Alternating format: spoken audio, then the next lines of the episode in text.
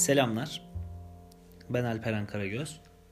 Bir podcast serisine başlıyorum ve bu podcast serimizin ismi Bir Kitap, Üç Ana Mesaj olacak. Ve kitap değerlendirmenin ötesinde aslında o kitabın vermek istemiş olduğu üç ana mesajı veya benim algılamış olduğum üç ana mesajı ele alacağım.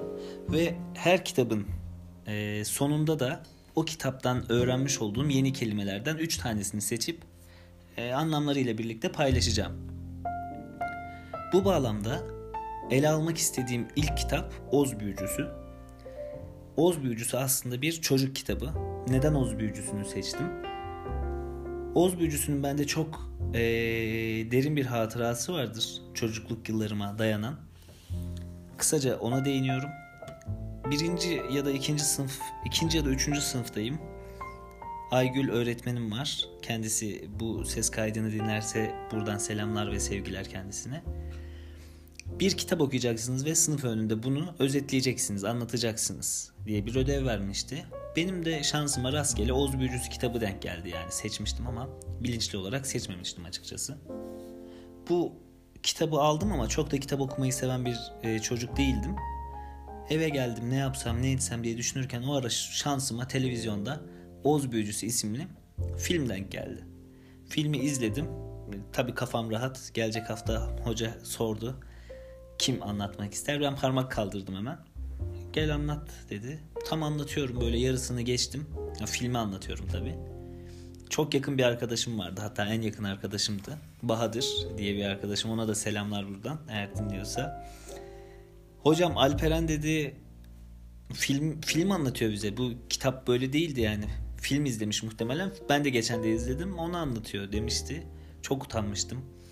Öğretmenin de sormuştu hani doğru mu Alperen diye. Hocam birazını okudum, birazını da izledim. Harmanlayıp anlattım aslında deyip geçiştirmiştim ama bende derin bir etki yaratmış olmalı ki bir kitap sitesinde geçtiğimiz aylarda Oz büyücüsüne rastlamış olmamla birlikte hemen sipariş ettim ve aslında yarım bırakmış olduğum kitabı bir anlamda üzerinden neredeyse 20 19-20 yıl geçmesinin üzerinden e, bitirme şansı buldum. Bu nedenle e, beni etkili, etkilemiş olan bir kitap ve aslında vermek istediği mesajı da çok net yani çocuk kitabı olduğu için çok net vermesi anlamında büyüklere de hitap edebilecek bir kitap aslında. Çünkü unutmuş olduğumuz bazı değerleri bize hatırlatması anlamında. Ben hemen geçmek istiyorum kitabın 3 e, ana fikrine o zaman. Şimdi Oz Diyarı var. E, Dorothy diye bir ana karakterimiz var, kız çocuğu.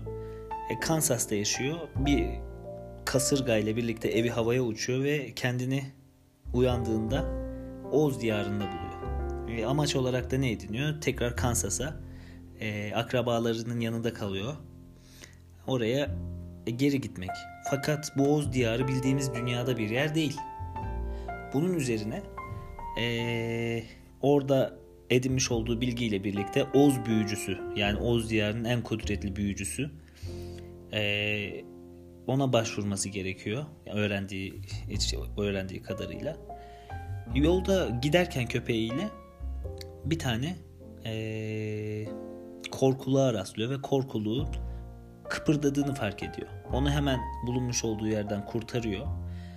Korkulukla birlikte yola devam ediyorlar. Korkuluk burada bize e, yol boyunca aklı yani aklın önemini temsil eden bir karakter oluyor ve ben diyor işte korkuluk olduğum için beynim samanla dolu. Ben diyor Oğuz büyücüsünden akıl isteyeceğim.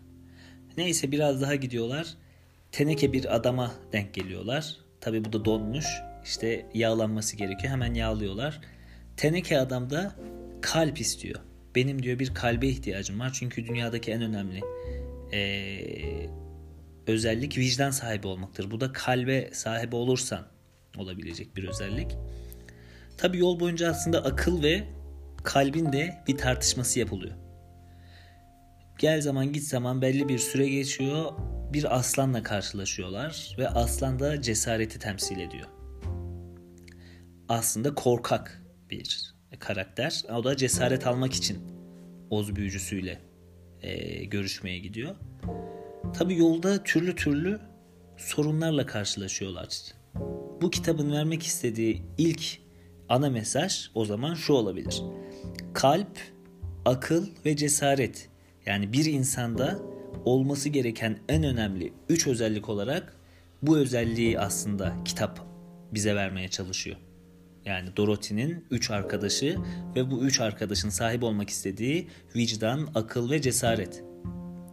Bunun e, ötesinde yolda bir sürü tabi olumsuzluklarla karşılaşıyorlar, zorluklarla karşılaşıyorlar, cadılarla karşılaşıyorlar, hayvanlarla, canavarlarla karşılaşıyorlar. Burada da bu üçü ve Dorothy yani üç yan karakter ve baş karakter sürekli e, arkadaşlıklarıyla yani bazı problemlerde kalbin temsilcisi yani kalbi almak isteyen teneke adam bazı problemlerde akılın temsilcisi korkuluk bazı durumlarda cesareti temsilcisi aslında cesaret arayan aslan bu problemlerin çözülmesinde baş başrol kapıyorlar. Burada da ikinci mesaj olarak arkadaşlık bağıyla yani birbirine sadık arkadaşların üstesinden kalkamayacağı, yani altından kalkamayacağı bir problem yoktur. Bu ve ek olarak şunu da tabii ki veriyor bize. Kalp, akıl ve cesaret bu üçünün birleşimiyle üstesinden gelinemeyecek problem yoktur gibi bir ee, sonuç çıkıyor ortaya. Tabi kitapta yine üçünün de dördünün de bir arada olduğu zaman e, çözemediği sorunlar oluyor. Fakat burada da şans faktörü devreye giriyor. Yani biz ne kadar vicdanlı, ne kadar zeki, akıl sahibi ve ne kadar cesaretli olursak olalım çözemeyeceğimiz bazı problemler tabii ki çıkacak. Fakat burada da yani şans faktörü bu da önemli. Bu şans faktörü ve arkadaşlık da veya arkadaşlık, şans faktörü veya kalp, akıl, cesaret ilişkisi de e, kullanılması gereken ve bunlar olduğunda çözülemeyecek problemin olmadığı ikinci mesajımız oluyor. Ve son mesaja gelmek e, gel, gel, gelecek olursak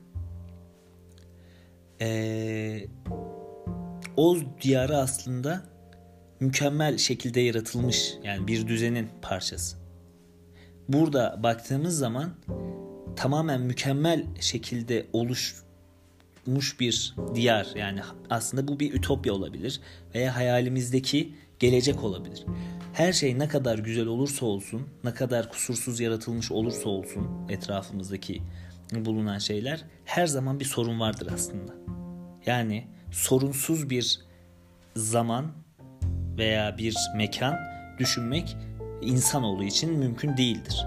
Ben bu üç mesajı aldım bu kitaptan ve ekstra bir mesaj daha e, söylemem gerekirse bu biraz daha altta kalmış, gizli kalmış bir mesaj. Yani tamamen bu söylemiş olduğum üç mesaj gibi çok açıktan verilmiş bir mesaj değil. Plasebo etkisi duymuşsunuzdur. Aslında kitap boyunca karşılaşılan güçlüklerde Oz büyücüsüne e, bir istekte bulunmak için giderken teneke adam vicdan isteyecek, kalp isteyecek Oz büyücüsünden ama aslında karşılaştığı sorunlarda hep karşımıza vicdanlı bir insan oldu, vicdanlı bir karakter olduğu gör, geliyor, görünüyor. Korkuluk akıl almak için gidiyor ama aslında ka, o akıl alana kadar ki süreçte karşılaşılan sorunlarda akıl kullanıyor. Aslan aslında cesar, ces, cesur olmadığını düşünüyor ama karşılaşmış olduğu problemlerde cesaretini kullanıyor. Yani Oz büyücüsü de bu arada bir şarlatan çıkıyor. Aslında Oz büyücüsü normal dünyadan gitmiş, oraya sıkışmış ve kendini ta- tanrı gibi adeta göstermiş bir şarlatan. Yine de bu üçü ee, tamamen gücüne inandıkları bir kimseden bunları aldığına inanmak istiyor. Yani plasebo etkisi de burada aslında ortaya çıkıyor. Biz vicdana da, akıla da, cesarete de aslında sahibiz. Yani bir başkasının güvendiğimiz, e, sözlerine saygı duyduğumuz insanlardan veya otoritelerden duymamıza gerek yok aslında. Hepimizin içinde kalp, vicdan, akıl ve cesaret var. Biz bunları ortaya nasıl çıkartabiliriz? Bunu düşünmemiz gerekiyor diye düşünüyorum. E, bu seride ilk e, bölüm biraz uzun olduğu için kelime, o üç kelimeden bahsetmiştim. Onları vermiyorum. E, dinlediğiniz için teşekkür ederim. Eğer beğenirseniz e, yani yorum yapmak isterseniz yorumlarda da karşılıklı bu kitabı eleştirebiliriz. Teşekkür ederim.